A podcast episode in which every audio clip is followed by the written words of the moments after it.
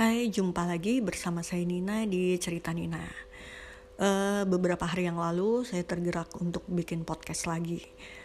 Jadi akhirnya install deh. Nah berhubung saya tuh menghilang dari dunia podcast hampir setahun, jadi mungkin ada teman-teman yang pengen tahu kabar saya.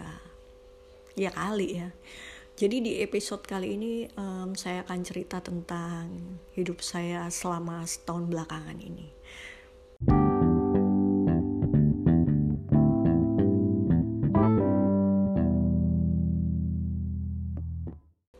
Sebenarnya kalau dipikir-pikir saya tuh ngapain dia bikin podcast? Padahal sebetulnya nggak ada kebutuhan harus bikin atau um, butuh eksis gitu. Tapi saat itu saya ngerasa saya kayaknya harus bikin deh gitu. Ada dorongan kuat dari dalam hati yang maksa saya untuk nyoba bikin podcast dan saya tuh kalau udah ada niat memulai sesuatu hati tuh nggak bakalan tenang kalau belum action. Jadi saya selalu mengikuti intuisi saya maunya apa sih gitu.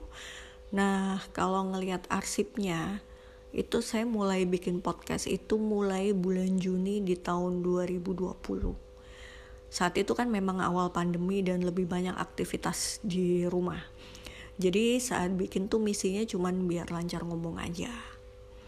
Lalu saya saya terakhir kali bikin podcast tuh bulan Juni tahun 2021 jadi mulainya kan 2 Jul, Juli 2020 dan terakhir bikinnya bulan Juni 2021 berarti saya setahun bikin podcast.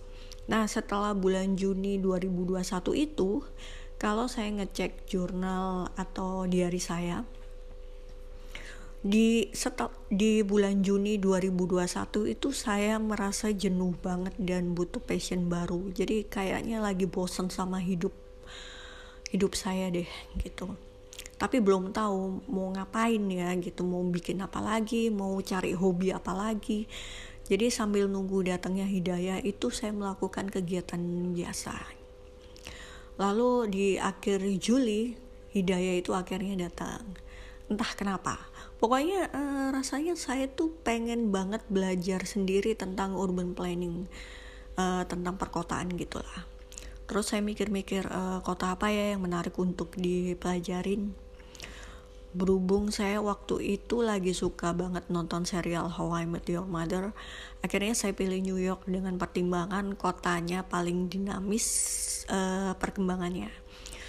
Jadi um, kayaknya selalu ada sesuatu yang baru gitu di kota itu. Dan kalau saya ngecek Google Mapnya itu uh, update-nya update-nya bagus gitu cepet. Jadi oke okay, tit akhirnya saya pilih New York. Dan pindahlah saya ke New York secara virtual. Virtual uh, ini virtual loh ya bukan pindah beneran. Jadi akhirnya settingan segala macam di handphone itu saya ganti lokasinya jadi US lalu uh, saya juga janji sama diri sendiri mulai saat itu uh, saya nggak akan baca berita Indonesia. Ya maksudnya sih biar lebih menjiwai aja gitu.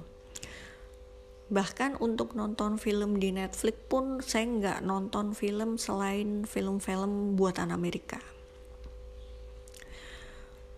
Uh, pada saat saya memutuskan itu saya sempat teringat ucapannya si Piu Padi waktu di wawancara dia pernah bilang kalau pengen berkarir di Amerika tinggal dan berkarir di Amerika ya harus jadi orang Amerika.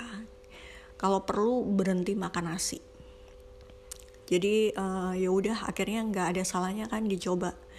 Hitung-hitung pemanasan gitu siapa tahu nanti jadi pindah beneran ya kan? Amin. Lalu saya bikin blog. Maksudnya itu uh, supaya mudah nyimpan arsipnya dan bisa di print dan dijadiin buku suatu hari nanti buat kenang-kenangan. Jadi semenjak 1 Agustus tahun lalu itu saya tiap pagi sebelum subuh itu saya selalu nulis tentang New York. Uh, apa aja yang saya tahu uh, hari itu dari internet biasanya saya nonton video 4K yang jalan kaki itu loh yang nggak ada dialognya Nah dari video-video itu saya tahu ada apa aja sih di tiap blok, ada restoran apa, ada uh, bangunan apa. Jadi kalau misalnya youtuber itu biasanya bikin video reaction dari video orang lain, maka saya nulis hasil pengamatan saya dari video-video itu. Uh, bahkan saya menempelkan peta New York di meja tulis saya supaya bisa saya lihat setiap hari gitu. Jadi kalau ngelihat videonya itu uh, saya sambil lihat petanya di di dinding gitu.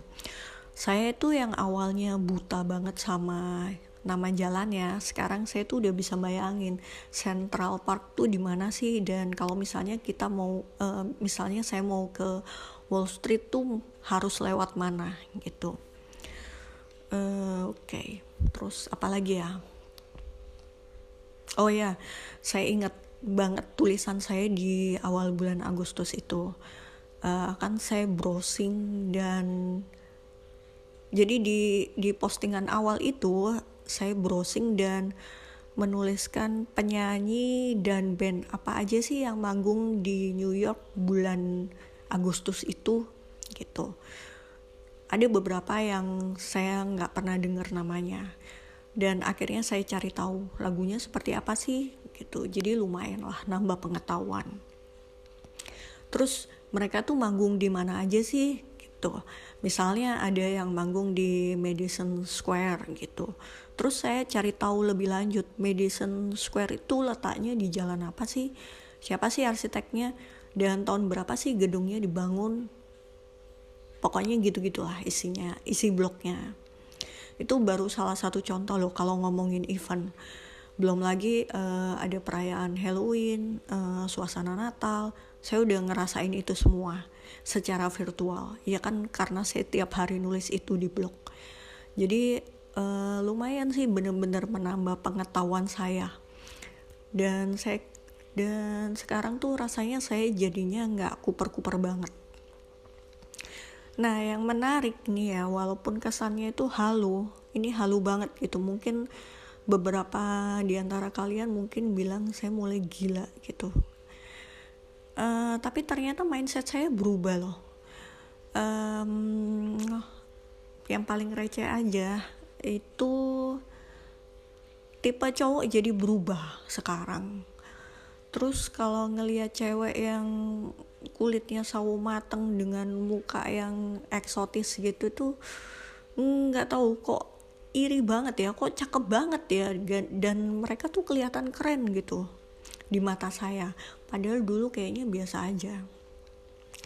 Terus um, hal receh lainnya mungkin uh, kalau tiap kali makan di luar terus ngelihat porsi Indonesia duh rasanya kok cuman seupil ya dikit banget gitu rasanya.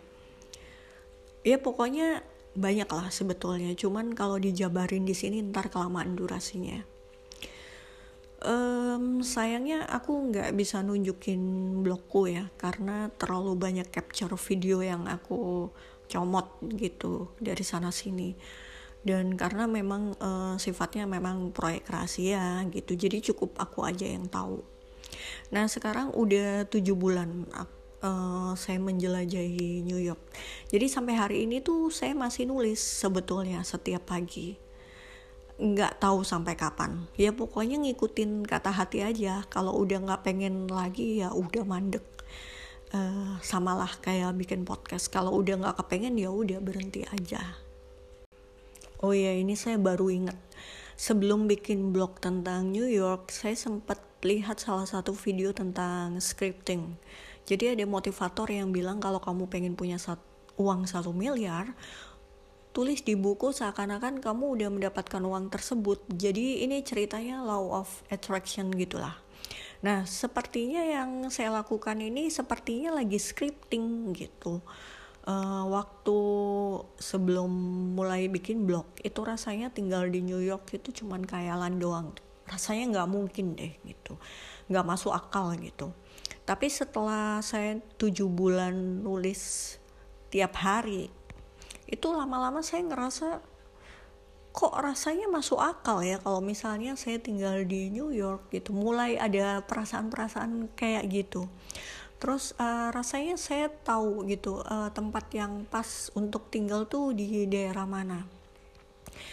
Dan baru-baru ini saya lihat videonya Panji uh, siapa sih namanya? Uh, saya lupa nama panjangnya. Panji itulah yang stand up komedian uh, jadi videonya itu lewat FYP nya FYP nya TikTok Nah, dia cerita bahwa dia itu baru-baru ini pindah ke New York untuk jadi stand up comedy di sana. Waktu ngelihat video itu rasanya, wih, ini kebetulan banget nih momennya gitu. Dan rasanya saya jadi makin semangat. Kayak dapat tambahan energi positif gitulah. Jadi dengan cara apa dan gimana saya masih belum tahu. Jadi sekarang nih masih blank gitu. Mungkin bakalan terlihat setahun atau dua tahun ke depan ya. Jadi akhirnya saya bikin podcast ini lagi buat bukti. Siapa tahu kehaluan ini ternyata bisa jadi nyata.